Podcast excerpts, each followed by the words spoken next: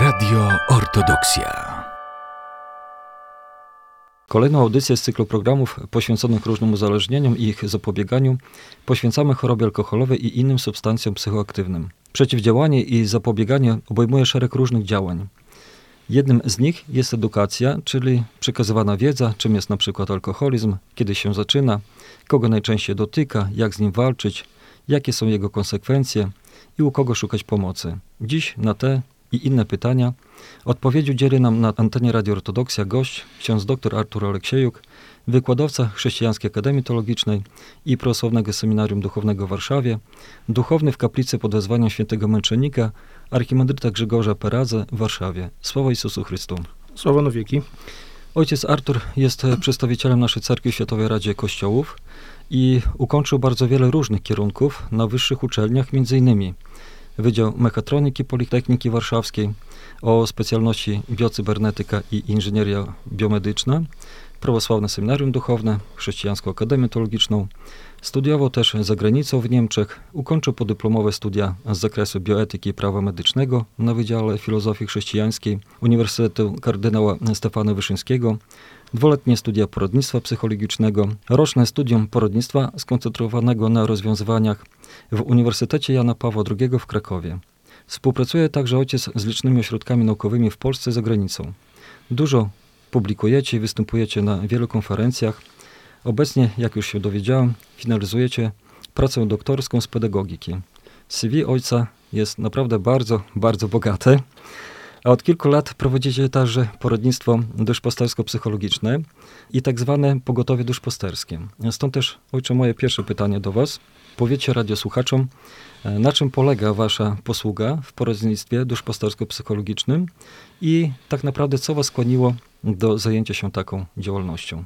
Przede wszystkim chciałbym podziękować za zaproszenie do tego cyklu, y, który jest realizowany w Bielsku Podlaskim. Jest to projekt Urzędu Miasta Bielska Podlaskiego i cieszę się, że taki cykl audycji się ukazał i ludzie mogą posłuchać na temat różnych problemów. Słyszałem tutaj od ojca prowadzącego, że jest to cykl poświęcony przeciwdziałaniu uzależnieniom i patologiom społecznym. Rzeczywiście ta problematyka jest dzisiaj niezwykle ważna w tych czasach, w których żyjemy, które to czasy niosą ze sobą bardzo wiele wyzwań, szczególnie dla duszpasterzy. Y, jeśli chodzi o poradnictwo i to pytanie, które ojciec tutaj dla mnie zadał, mogę powiedzieć, że poradnictwo duszpastersko-psychologiczne prowadzę od, już od kilku lat, od 8 lat, od marca 2015 roku. Tak naprawdę to od zawsze interesowałem się człowiekiem, tym jak jest zbudowany i co nim powoduje, że zachowuje się tak, jak się zachowuje. Mówiąc technicznie, interesowała mnie zasada działania człowieka, zarówno biologiczna, czy też mechaniczna, ale też psychologiczna, czy też psychiczna i duchowa. Dlatego zamiast na medycynę właśnie ze względu na ludzką taką biomechanikę, jeśli można powiedzieć, poszedłem na Politechnikę. Później zainteresowałem się bioetyką i jest ona od lat centralnym punktem moich naukowych zainteresowań. Dziesięć lat temu z potrzeby serca i zainteresowań, a nade wszystko w odpowiedzi na zapotrzebowanie wiernych, y, którzy poszukiwali profesjonalnej pomocy psychologicznej w cerkwi, właśnie w cerkwi, Ukończyłem dwuletnie studium poradnictwa Stowarzyszenia Psychologów Chrześcijańskich o profilu, no właśnie chrześcijańskim, można powiedzieć ekumenicznym. Niestety w Polsce jeszcze nie mamy takich ośrodków, gdzie możemy studiować i uczyć się, uwzględniając tylko i wyłącznie prawosławny punkt widzenia. Takie ośrodki są na przykład w Grecji czy, też w Rosji. W Polsce jeszcze takiego ośrodka nie doczekaliśmy się. No kto wie, może się takiego ośrodka y, kiedyś doczekamy. Potem zainicjowałem chyba w pierwsze w Polsce y, prawosławne, właśnie prawosławne poradnictwo duszpastersko-psychologiczne. Od dwóch lat po skończeniu odpowiednich studiów zajmuję się także poradnictwem świeckim, można tak powiedzieć, a więc poradnictwem skoncentrowanym na rozwiązaniach. Tutaj ojciec zechciał właśnie o tym też y, wspomnieć. A obecnie, i to jest też perspektywy tej, którą się zajmuję, y, działalności duszpasterskiej, y, ale też i takich moich zainteresowań, również naukowych, uczestniczę y, w studiach podyplomowych z psychoonkologii, to znaczy pomocy ludziom, którzy są y, chorzy na choroby nowotworowe, ale też ich rodzinom, ponieważ wiemy, że nie tylko osoby, które cierpią na nowotwory, ale również ich rodziny są zaangażowane w pomoc.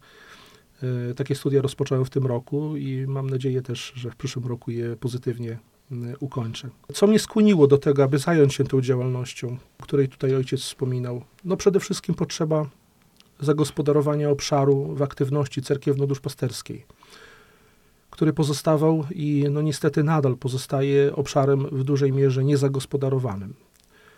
Duchowni, nie tylko prawosławni, a także rzymskokatoliccy mają pod, w tym względzie dosyć nikłe przygotowanie, dlatego tak sobie pomyślałem, że warto jest y, tu w tym kierunku działać, w tym kierunku się kształcić aby być po prostu profesjonalnie do tego przygotowanym. Z tego co wiem, w programach y, seminaryjnych czy też teologii, y, która jest wykładana w seminarium, no między innymi teologii pasterskiej czy też duchowości, y, problematyka psychologii duszpasterskiej, takiej typowej psychologii duszpasterskiej jest, można powiedzieć, praktycznie nieobecna, także tutaj musiałem się też kierować do jakichś innych obszarów, takich, które pozwolą mi taką wiedzę pozyskać.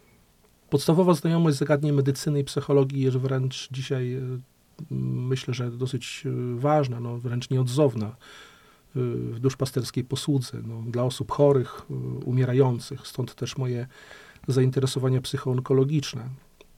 W Polsce niewielu duchownych ma takie przygotowania. Osobiście znam ledwie kilka osób. Deficyt profesjonalnego przygotowania duszpasterzy, którzy odnoszą się do tych spraw, o których rozmawiamy i których będziemy rozmawiać, skutkuje tym, że ludzie wierzący powierzają się jedynie świeckim psychoterapeutom. Bez wątpienia y, są oni profesjonalistami. Tutaj y, w żaden sposób nie neguję ich profesjonalizmu, ale na ogół jednak nie uwzględniają specyfiki życia duchowego. Innymi słowy, sprowadzają oni życie duchowe do życia psychicznego, co z perspektywy prawosławnej nie do końca jest prawidłowe. Dlatego konieczna jest tutaj współpraca psychologa z osobą duchowną. Jeśli duchowny łączy te dwa obszary, to jest po prostu znakomicie, ale zdarza się to niezmiernie rzadko. Jeśli tak się zdarza, to musi być profesjonalistą i w jednym i w drugim, co jest niezwykle trudne. Y, no ja psychologiem nie jestem, nie jestem psychologiem z wykształcenia, nie ukończyłem studiów psychologicznych. Można powiedzieć, jestem księdzem pomagaczem ze znajomością psychologii umiem to robić i mam w tej mierze jakieś osiągnięcia. Przez warszawskie poradnictwo, zarówno duszpasterskie, jak i te skoncentrowane na rozwiązaniach, które prowadzę już od dwóch lat, w ciągu tych ośmiu lat, czyli od początku mojej takiej y, działalności, czyli od 2015 roku, przewinęło się już ponad tysiąc osób, czyli dużo. Że to jest ogromna liczba osób, y, jak na warunki też i polskie, i warszawskie. Działam na zasadzie wolontariatu i sam pokrywam też i wszelkie koszty mojego profesjonalnego przygotowania. Twoją posługę prowadzę z błogosławieństwa Jego Eminencji Metropolity Sawy. On jest tutaj osobą ogromnie wspierającą, mm, też umożliwiającą taką działalność. Nie jest to oczywiście działalność oficjalna, lecz właśnie duszpasterska i tak też tą działalność traktuję. E, właśnie jako standardową działalność duszpasterską i pomocową. Natomiast jeśli chodzi o y, pogotowie duszpasterskie, o które tutaj ojciec zapytał, y, no to tę nazwę to właściwie wymyśliłem tak trochę na prędce.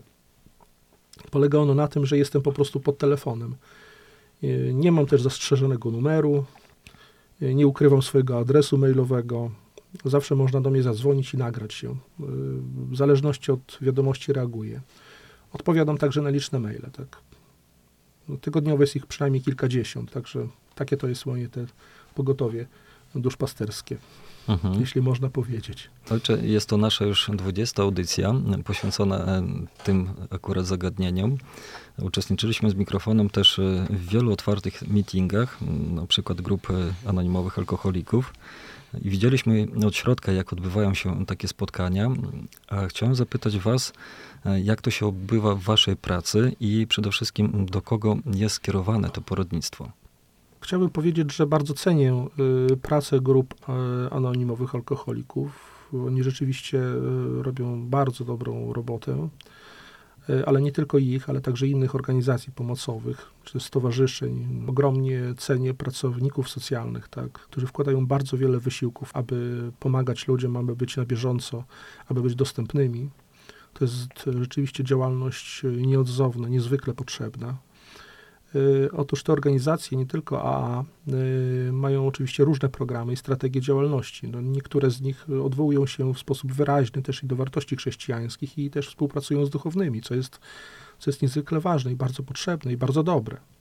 Poradnictwo, które prowadzę w Warszawie, y, i to trzeba też wyraźnie powiedzieć, że jest skierowane do y, wszystkich, którzy potrzebują wsparcia.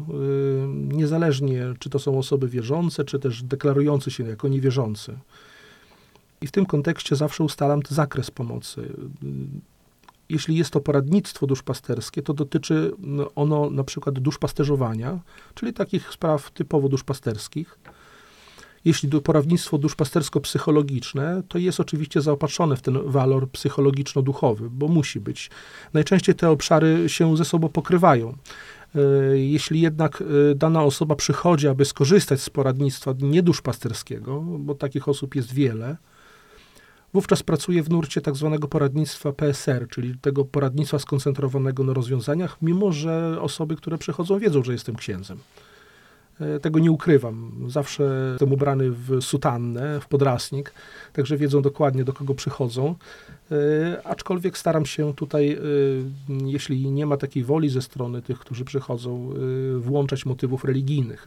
To jest ważne, aby też i nie odstraszyć tych ludzi, którzy po prostu czasami może mają kłopoty z, z wysławianiem się, czy też ze swoją wiarą i nie chcą tego przynajmniej na początku ujawniać. Oczywiście to się dzieje tak, że zazwyczaj później o tej wierze też i dużo mówią, ale nie jest to punkt wyjścia. Y, można powiedzieć, jest to jakiś, jakiś punkt dojścia. Y, oczywiście te elementy PSR-owskie wykorzystuje również y, w poradnictwie duszpasterskim. Tak w skrócie, to warto powiedzieć, że metoda PSR właśnie wychodzi z założenia, że osoba ma zdolność motywację i możliwości dokonania zmiany w swoim życiu. Dzięki rozpoznaniu, co działa i uświadomieniu sobie, co chciałaby, aby uległo zmianie. A więc inicjatywa tutaj jest y, przede wszystkim po stronie tych, którzy y, po tą pomoc y, przychodzą.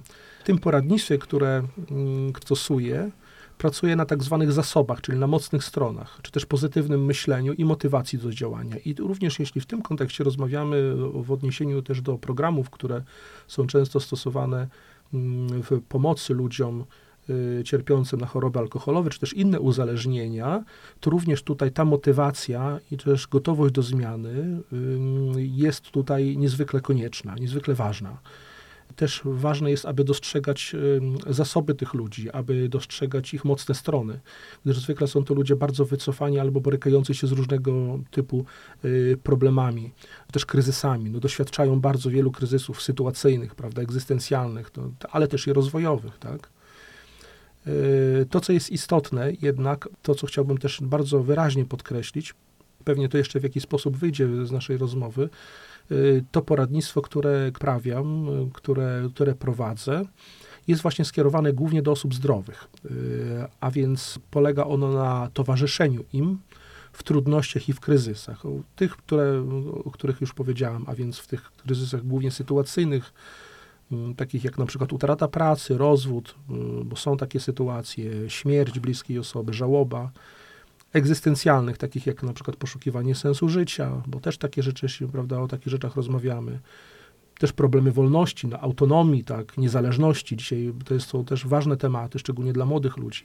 Problem wolności, tego, kim są, poczucia sensu, poczucia, poczucia tożsamości ale też i oczywiście w wielu e, kryzy, takich e, sytuacjach, e, które można określić jako kryzysy rozwojowe. No, moje poradnictwo, tak jak powiedziałem, nie do końca jest skierowane tak w sposób bezpośredni do osób, które się borykają z takimi problemami typowych zaburzeń psychicznych lub też utrwalonych. Od tego są specjaliści. Ja też nie czuję się specjalistą do tego, aby takim ludziom też w sposób profesjonalny pomagać. Y, to są osoby, które, które do mnie, oczywiście one do mnie trafiają, ale ja tutaj współpracuję też z, z wieloma psychologami, też i z psychoterapeutami i w tym momencie działamy wspólnie. Znaczy nie roszczę sobie pretensji i nie aspiruję do tego, żeby mieć wiedzę bardzo taką gruntowną, psychologiczną. Y, to są sprawy naprawdę niezwykle ważne, niezwykle delikatne, a więc ważna jest tutaj przede wszystkim współpraca. E, a więc taka praca z takimi ludźmi, których mówię, nie chcę nazywać ich ani klientami, ani pacjentami, bo osobiście nie bardzo lubię te, te wyrażenia, po prostu osobami, które borykają się z tymi problemami. W tym przypadku biegnie e, niejako dwutorowo, a więc współpracujemy psycholog i duszpasterz, czy też pomagacz, jak to już e, określiłem czy też psychoterapeuta. No, współpracuje z chrześcijańskimi psychoterapeutami głównie, a więc tutaj e, ten kierunek chrześcijański jest tutaj bardzo, bardzo wyraźnie zarysowany i zachowany. E, ojcze, już troszeczkę powiedzieliście o tym e, wcześniej, że przez ten okres 8 lat, kiedy prowadzicie porodnictwo duszpasterskie, przewinęło się ponad tysiąc osób. To jest naprawdę dużo, bardzo dużo. A chciałem zapytać o taką jeszcze rzecz. Co to są tak zwane mechanizmy, mechanizmy uzależnień i jak z nimi walczyć? E, bowiem, tak jak powiedzieliście, jest bardzo wiele i wiemy o tym, że jest bardzo wiele różnorakich e, uzależnień. E, są uzależnienia od alkoholu, od tytoniu, od środków psychoaktywnych, mm, są też, prawda, tak zwane behawioralne uzależnienia, a właśnie mechanizmy uzależnień, bo one są i jak temu przeciwdziałać i jak z nimi walczyć. No to to pytanie jest rzeczywiście mm, niezwykle skomplikowane, niezwykle ważne. Mm, można powiedzieć, że mechanizmy uzależnień, no bazując na tej wiedzy psychologicznej i na tym, co czytamy w literaturze, i o to, o co ojciec pyta, powstają na skutek, y, można tak powiedzieć, takich psychofarmakologicznego, to jest trudne słowo, y, działania alkoholu na człowieka tutaj, albo jakiegoś innego środka i są wzmacniane y, przez jego osobiste doświadczenia sprawiają one, że osoba uzależniona funkcjonuje w określony bardzo charakterystyczny sposób i dlatego możemy mówić tutaj o takich mechanizmach. E, literatura przedmiotu wyróżnia tutaj jakby takie trzy podstawowe mechanizmy. No to do takich mechanizmów zalicza się regulowanie uczuć, e, iluzji, mechanizm iluzji czy też zaprzeczeń. No często mamy dosyć do czynienia właśnie z tymi iluzjami, zaprzeczeniami. I ten trzeci mechanizm jest nazwany mm, mechanizmem rozproszonego i rozdwojonej jaźni, albo też rozproszonego i rozdwojonego ja. W walce z tymi mechanizmami człowiek uzależniony sam sobie nie poradzi. To sobie trzeba wyraźnie powiedzieć. Y, powinien zatem skorzystać z profesjonalnej pomocy oferowanej przez specjalizujące się w dzielaniu instytucje. Y, niestety wskutek działania mechanizmu iluzji na przykład i zaprzeczeń, które y, upośledza funkcje poznawcze i emocjonalne, często ten człowiek nie jest w stanie zwrócić się o pomoc. Dlatego konieczna jest tutaj pomoc rodziny, no, przyjaciół, ale także i duchownych. Najtrudniejsze zadanie to skłonienie osoby uzależnionej do tego, aby dał sobie pomóc. Trzeba tutaj wykazać się dużą cierpliwością i jednocześnie stanowczością.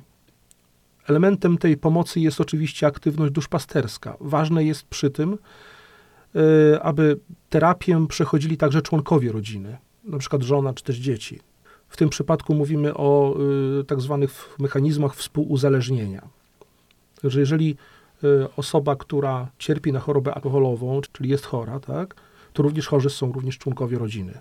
To nie jest tak, że tylko i wyłącznie ona jest chora. Oczywiście tutaj jest też tak zwany syndrom tak zwanego dorosłego dziecka alkoholika, tak zwany DDA. Też jest to ważne i o tym trzeba też wspomnieć. Jak z tym walczyć? No przede wszystkim, y, tak jak już powiedziałem, skorzystać z pomocy profesjonalistów. No, w ośrodkach, które taką pomoc oferują, no, dysponują też i szczegółową wiedzą na ten temat i doświadczeniem, przede wszystkim doświadczeniem.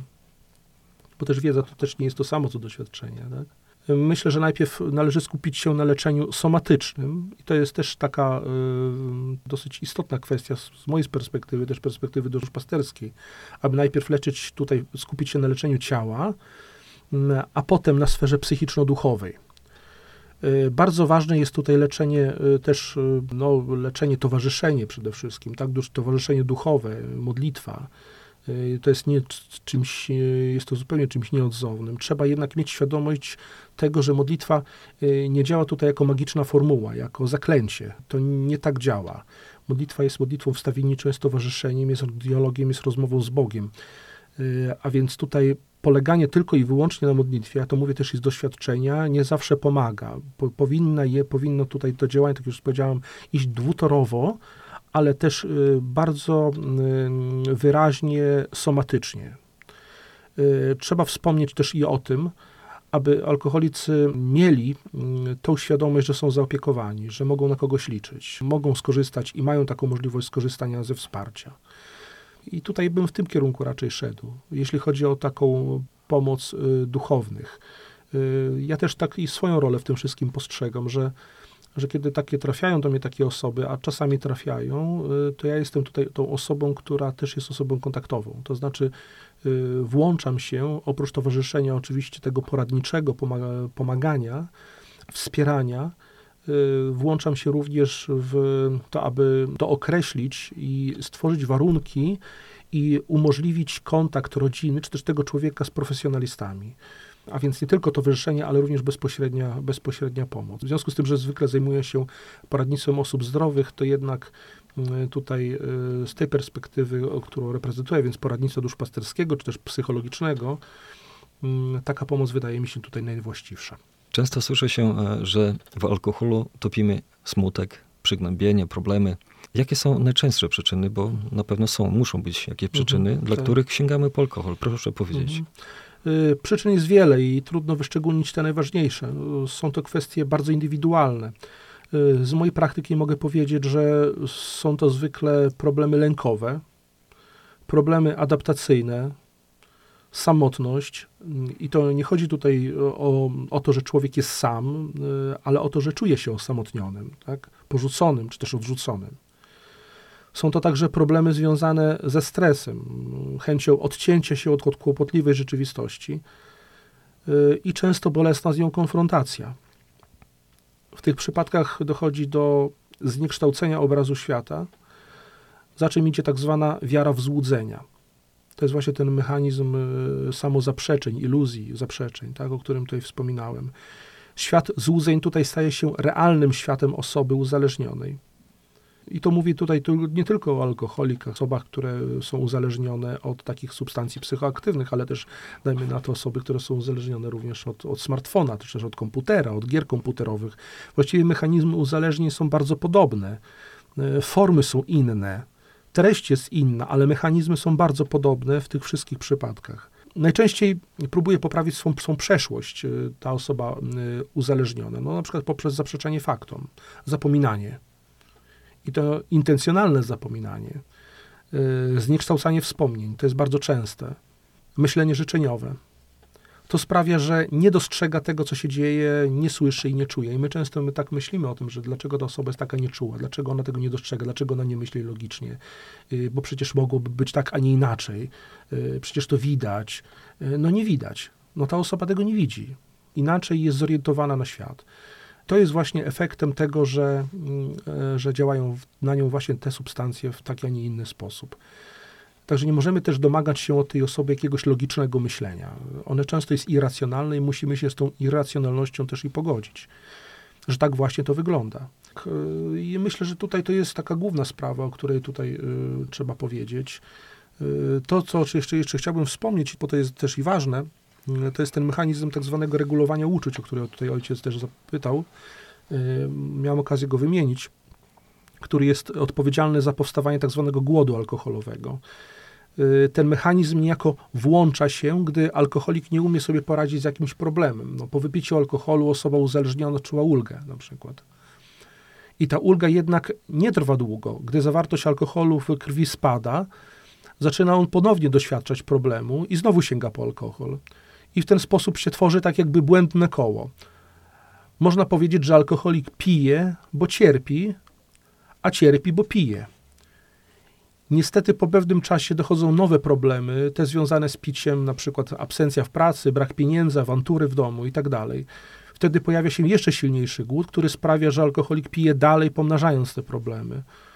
Uwolnienie się od cierpienia przy pomocy alkoholu jest nieraz jedyną też radością, jaką odczuwa alkoholik osoba uzależniona nie rozwiązuje problemów, tylko je zapija, można tak powiedzieć. A moje poradnictwo jest też skoncentrowane i to też jest taka różnica na rozwiązywaniu. Tak? No, tutaj rozwiązaniem nie jest picie.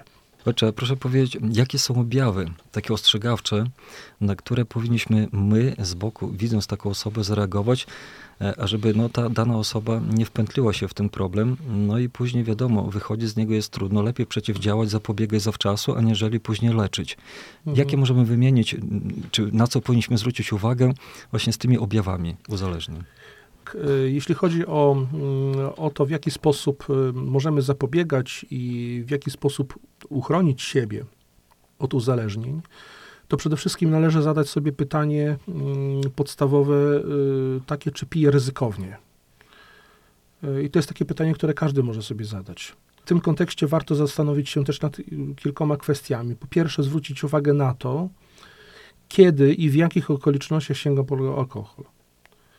Przykładowo, jeśli na przykład oprócz okazji, czy też jakiegoś tam spotkania towarzyskiego, coraz częściej sięgam po y, alkohol, czyli tak, czy można powiedzieć, zaglądam do kieliszka, ale też zaglądam do kieliszka coraz częściej w innych sytuacjach niż okazje, tak zwane okazje, to jest to też sygnał do tego, że, mm, że mogę tutaj mieć takie inklinacje ku temu, czyli tego, tego sygnału nie można zbagatelizować. Tak? Kolejne pytanie, które powinienem sobie zadać, jeśli y, przeczuwam, że coś jest na rzeczy, to jakie ilości spożywam. Tak? Jeśli dojdę do wniosku, że jednorazowo wypijam coraz więcej, powinienem być czujny. Mówię tutaj o jednorazowym wypijaniu. Tak? zwiększająca się ilość spożytego alkoholu to, to z pewnością jest sygnał ostrzegawczy. Kolejna kwestia to jest tak zwane wyczekiwanie.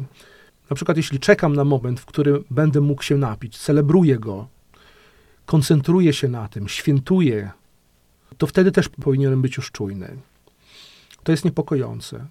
Kolejna sprawa jest wtedy, kiedy sięgam po alkohol, gdy wiem, że jest to ryzykowne. Na przykład jestem kierowcą, a mimo wszystko sięgam po alkohol i tłumaczę sobie, że o, to jest tylko tam powiedzmy lampka wina, czy pół lampki wina, czy pół piwka, tak? I to też jest sygnał ostrzegawczy, że jednak te, mm, powiedzmy, mechanizmy obronne, które powinny mnie strzec przed tym, że jednak powinienem zachować trzeźwość, nie działają albo, albo są osłabione. Kolejny sygnał to tak zwany czerwony alert, albo też urwany film, czyli brak kontroli yy, wypitego alkoholu. Kolejny sygnał to niepokój bliskich. No to już wkraczamy na przykład w środowisko rodzinne, czy środowisko przyjaciół. Kiedy bliscy na przykład zwracają nam uwagę na to, że pijemy lub też za dużo pijemy. Takie są sygnały, takie, takie sygnały dochodzą. Yy, no to są takie podstawowe, podstawowe mm, momenty, których, w których możemy w jakiś sposób sobie uświadomić, że coś jest powiedzmy na rzeczy, że mamy, że mamy jakieś, jakieś, jakąś skłonność do tego, aby y, tą ilość alkoholu y, zwiększać i być zagrożonym y, chorobą alkoholową. No i na koniec to, o czym też się często słyszy, ale nie tylko tak w rozmowach, ale też i w literaturze często jest to używane, czy też w filmach często się słyszy, to jest tak zwane klinowanie. A więc na przykład jeśli dzień po spożyciu alkoholu, czyli na tak zwanym kacu, poprawiam sobie samopoczucie pijąc alkohol, to powinienem uważać. Leczenie skutków picia kolejnym kieliszkiem jest też takim e, ważnym sygnałem ostrzegawczym. Tak zwane klinowanie. A proszę powiedzieć, jaką rolę w procesie e, wychodzenia z jakiegokolwiek nałogu czy uzależnienia e, spełnia strona duchowa, o której już troszeczkę wspomnieliśmy wcześniej. Mhm. To jest wiara, modlitwa, właśnie życie sakramentalne, na przykład uczestnictwo w pielgrzymce, czy no właśnie spotkanie z duchownym. No wymienił tutaj ojciec te najważniejsze środki duchowe, które y, mają ogromne znaczenie w procesie wychodzenia z uzależnienia i to każdego z uzależnienia, nie, nie tylko tego, o którym tutaj głównie rozmawiamy, a więc, a więc uzależnienia alkoholowego, ale każdego. Oczywiście to Bóg jest lekarzem człowieka, a człowiek współpracuje z Bogiem w dziele zbawienia i to jest niezaprzeczalne i to jest jeśli można użyć takiego powiedzenia, oczywista oczywistość. Wiara, nadzieja i miłość, e, dyscyplina duchowa oczywiście sprzyjają. No, sprzyjają przede wszystkim o, o odzyskiwaniu zdrowia, tak? Wyzwalają troskę o zdrowie. Pozwalają lepiej radzić sobie ze stresem. Ewidentnie. Znajdować oparcie w Bogu w trudnych e, czy też kryzysowych sytuacjach. Wyzwalać motywację i optymizm wykorzystywać doświadczenie swoje i innych w walce z uzależnieniem, odzyskać wewnętrzny spokój, czy też redukować lęk. O tym lęku też y, tu troszeczkę wspomniałem. Tak opanować strach, lepiej znosić cierpienie, poprawiać relacje interpersonalne, tak? odzyskiwać szacunek do samego siebie. To jest niezwykle ważne, ponieważ alkoholik czuje też odrazy do samego siebie. On powinien ten szacunek do samego siebie odzyskiwać i odzyskać. I to temu bardzo sprzyja wiara, czy też działalność też duszpasterska, ale też umieć sobie wybaczyć.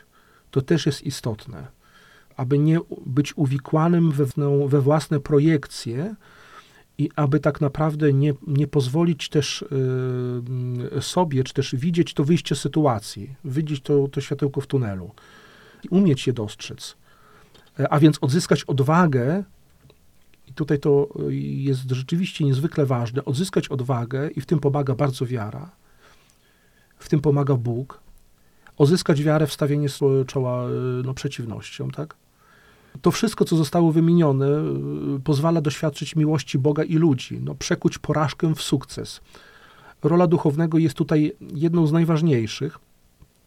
Przede wszystkim dlatego, że jest on obok nas.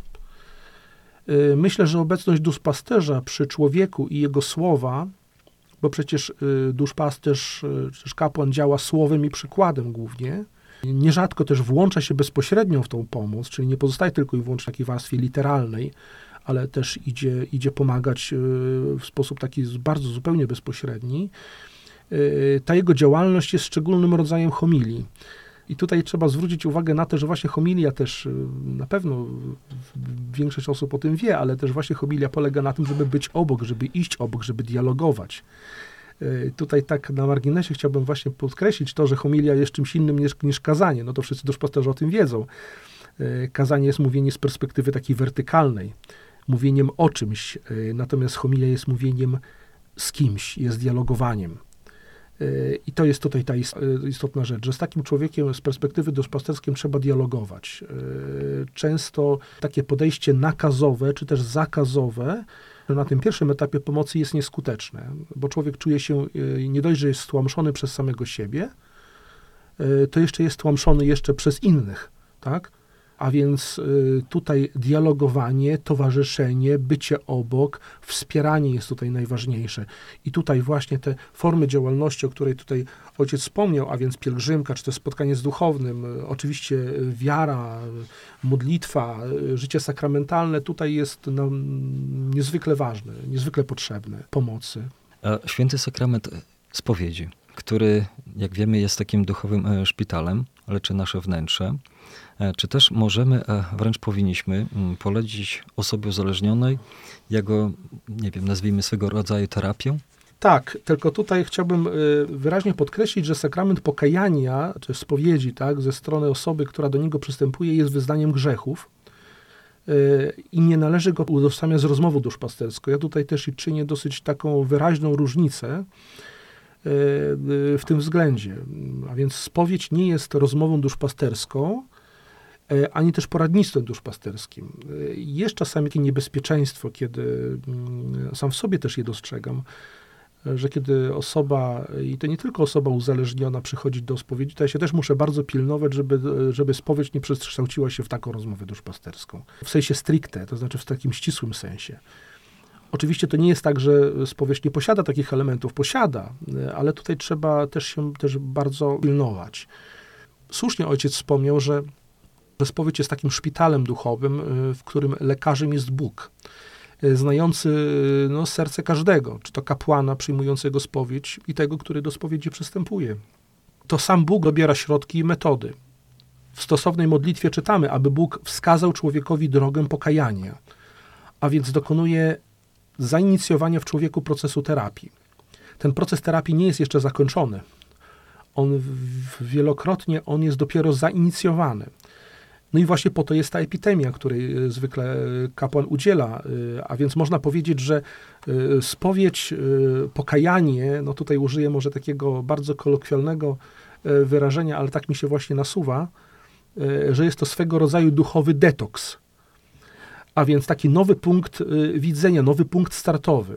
Epidemia to swego rodzaju recepta, czy też lecznicze wskazówki. No to tak jak idziemy do lekarza, lekarz nam ordynuje jakąś receptę, mówi jak się mamy zachowywać, czy trzymać dietę, czy też zmienić sw sposób swojego życia.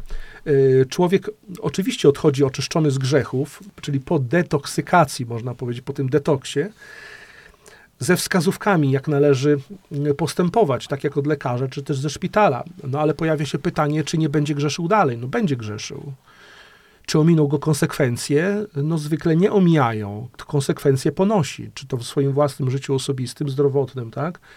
psychicznym, tutaj rozmawiamy troszeczkę o psychologii, czy też y, życiu rodzinnym. Y, pytanie, czy alkoholik od razu porzuci picie alkoholu. No, jest to możliwe, niczego nie wykluczamy, ale jednak umówmy się, że to byłby prawdziwy cud, gdyby tak się stało. A cuda jednak y, zdarzają się rzadko i dlatego są cudami, tak? To za to, że się nie zdarzają te cuda, to jednak odpowiada człowiek. Taką sytuację przyszła do spowiedzi osoba, której było czuć alkohol, yy, która była lekko, można powiedzieć, pod, pod wpływem alkoholu. I ja potem sobie sam zadawałem to pytanie, Nie była to osoba zupełnie pijana, tak żeby była nieświadoma zupełnie, ale, ale potem zadam sobie pytanie, w jaki sposób reagować w takich sytuacjach. I już w kolejnej sytuacji, kiedy taka, taka osoba się pojawiła, bo miałem kilka takich sytuacji, to już po prostu zdecydowałem o zawieszeniu spowiedzi. Nie przeprowadziłem jej do końca, tak? Osoba, która przyszła, mm, skonfrontowała się, ale potem poprosiłem ją o to, żeby przyszła, aż będzie trzeźwa. Więc tutaj chyba taka reakcja też jest chyba ważna. No, taką podjąłem decyzję.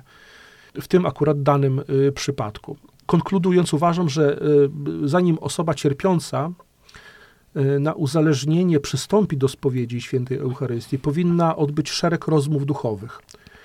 Y, bazuję tutaj właśnie na tym swoim y, przede wszystkim doświadczeniu.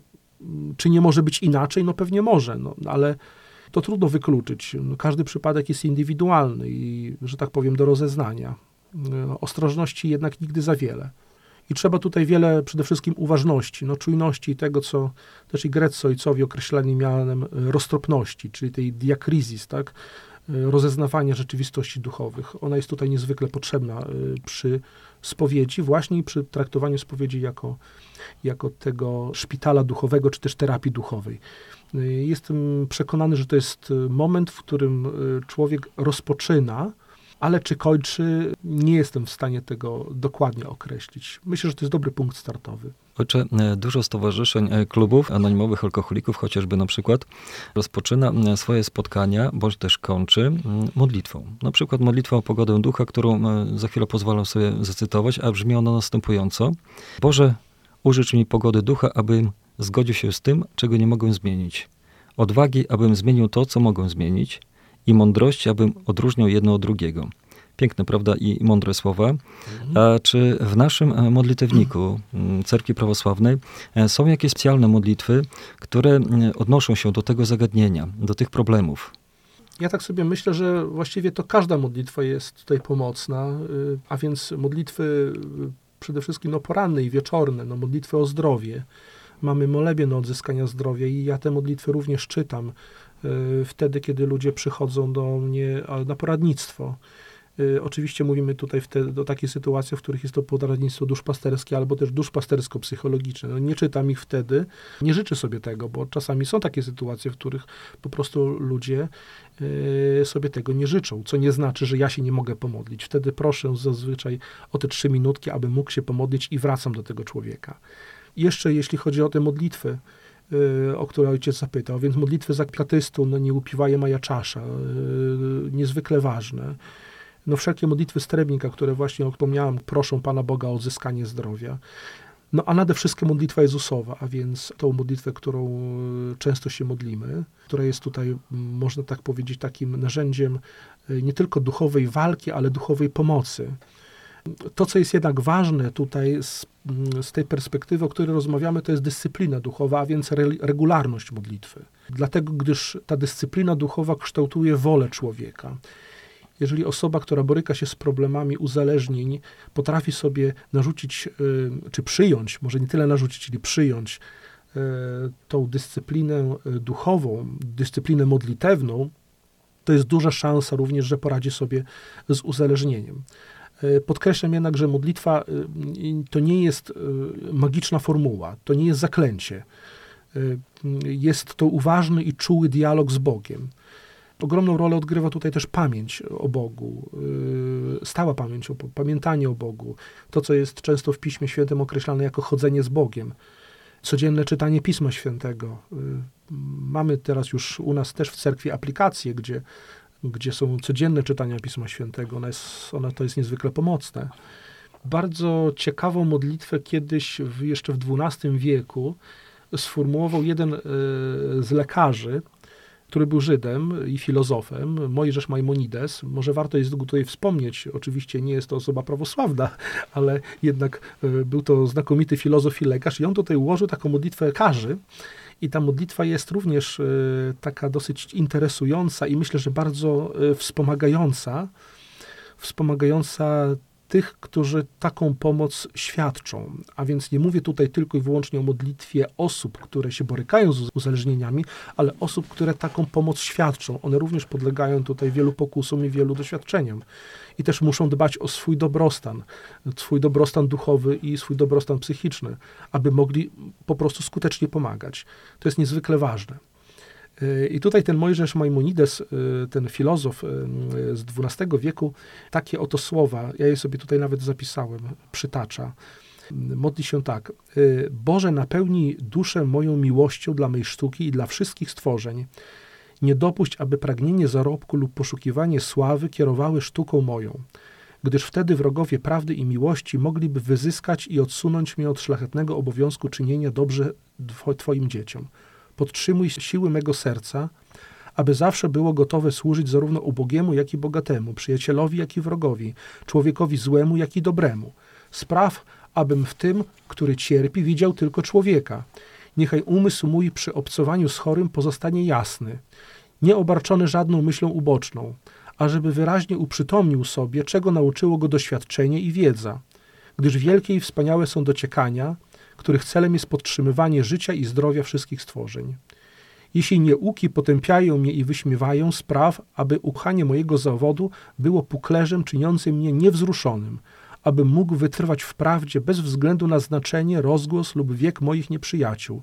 Użycz mi, Boże, wyrozumiałości i cierpliwości wobec chorych, upartych i grubiańskich. Spraw, abym był we wszystkim umiarkowany, lecz nienasycony w umiłowaniu wiedzy. Oddal ode mnie przekonanie, że wszystko potrafię. Daj mi siłę, wolę i możliwość rozszerzania swych wiadomości. Dzisiaj jeszcze bowiem mogę odkryć świadomości swej rzeczy, których istnienia wczoraj jeszcze nie przypuszczałem. Te wyznanie modlitewne tego człowieka jest dla mnie bardzo drogie, ponieważ mówi o tym wszystkim, o czym powinien pamiętać ten, który świadczy pomoc. Aby być po prostu osobą otwartą, kontaktową, skuteczną, wspierającą, towarzyszącą, też niedyrektywną, y, taką, która poświęci swój czas i swój trud, swoją wiedzę dla tej osoby, która takiej pomocy wymaga, dla tej osoby, która takiej, takiej pomocy potrzebuje. Ojcze Arturze, już tak na podsumowanie, z punktu widzenia duszpasterza i psychologa, taki złoty, uniwersalny środek dla każdego. Co robić, jak postępować, żeby żyć w trzeźwości, żeby żyć jak najdalej od różnego rodzaju uzależnień, a żeby temu tak łatwo nie poddawać się, nie ulegać, a nad tym wszystkim mieć kontrolę. Proszę powiedzieć. Jednym zdaniem to by, to by było trudno, ale tak sobie pomyślałem, że jeśli chodzi już o takie jedno zdanie, no to żyć przede wszystkim po chrześcijańsku. No mamy olbrzymie bogactwo w naszej cerkwi. Mamy piękną tradycję i ascetyczną również tradycję, która jest udziałem naszej cerkwi. Z tego wszystkiego powinniśmy korzystać, e, czytać Pismo Święte, stosować wskazania ewangeliczne. No, to, co powiedział sam Jezus Chrystus, tutaj jest najważniejsze, a Jego słowo mamy w świętej Ewangelii i w nauce cerkwi. Tego bym się trzymał. Ojcze, już tak na zakończenie, bardzo bym prosił, żeby radiosłuchaczom powiedzieć, e, gdzie możemy Was spotkać, albo, prawda, gdzie szukać pomocy, przez jakie e, nośniki źródła elektronicznego, e, a żeby skorzystać z takiej fachowej porady, bo słyszeliśmy z Waszych ust bardzo wiele pouczających, mądrych rzeczy. Proszę powiedzieć, gdzie właśnie z takiej fachowej porady możemy u Ojca skorzystać?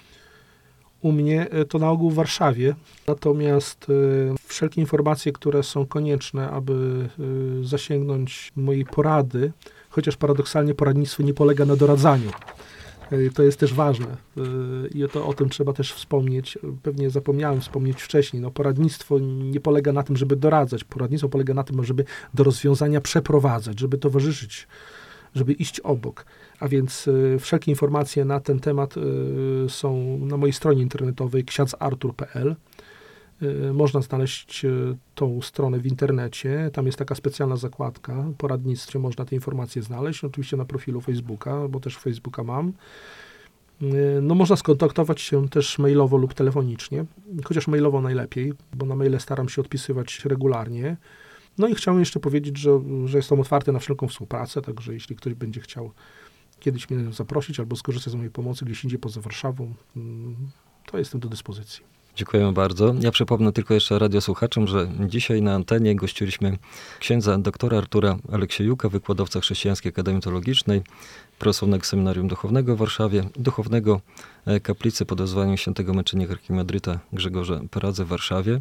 Ojcze, z głębi serca w imieniu wszystkich radiosłuchaczy Wam dziękujemy e, za dzisiejsze spotkanie, za te wszystkie pouczenia, za tą obszerną wiedzę, te wszystkie wiadomości, które usłyszeliśmy.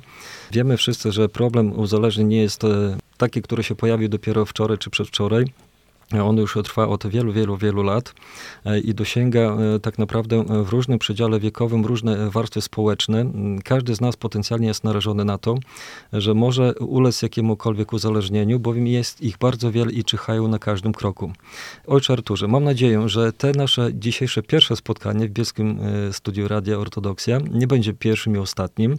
Liczę na to, że ta współpraca nawiąże się tak bardziej jeszcze na, na dłuższą, taką terminową E, naszą taką więź spotkaniową, albowiem e, tematów, które byśmy chcieli poruszyć jest wiele i spraw e, związanych z uzależnieniami jest naprawdę bardzo, bardzo wiele i trzeba o tym mówić. Oczywiście pisze się o tym, mówi się w innych mediach społecznościowych, ale uważam, że im więcej o tym się mówi i pisze, to na pewno przyniesie więcej wymiernego efektu. Także ojcze, dziękuję wam z głębi serca, że przyjęliście nasze zaproszenie, poświęciliście swój czas. Tak jak powiedziałem na samym początku, ojciec e, Artur jest wykładowcą, zajmuje się wieloma różnymi sprawami, ma na głowie bardzo, bardzo wiele obowiązków, a pomimo tego jesteście dzisiaj tutaj razem z nami. Cieszę się, dziękuję i zapraszam na następne spotkanie. Dziękuję ojcu i wszystkich serdecznie pozdrawiam. Radio Ortodoksja.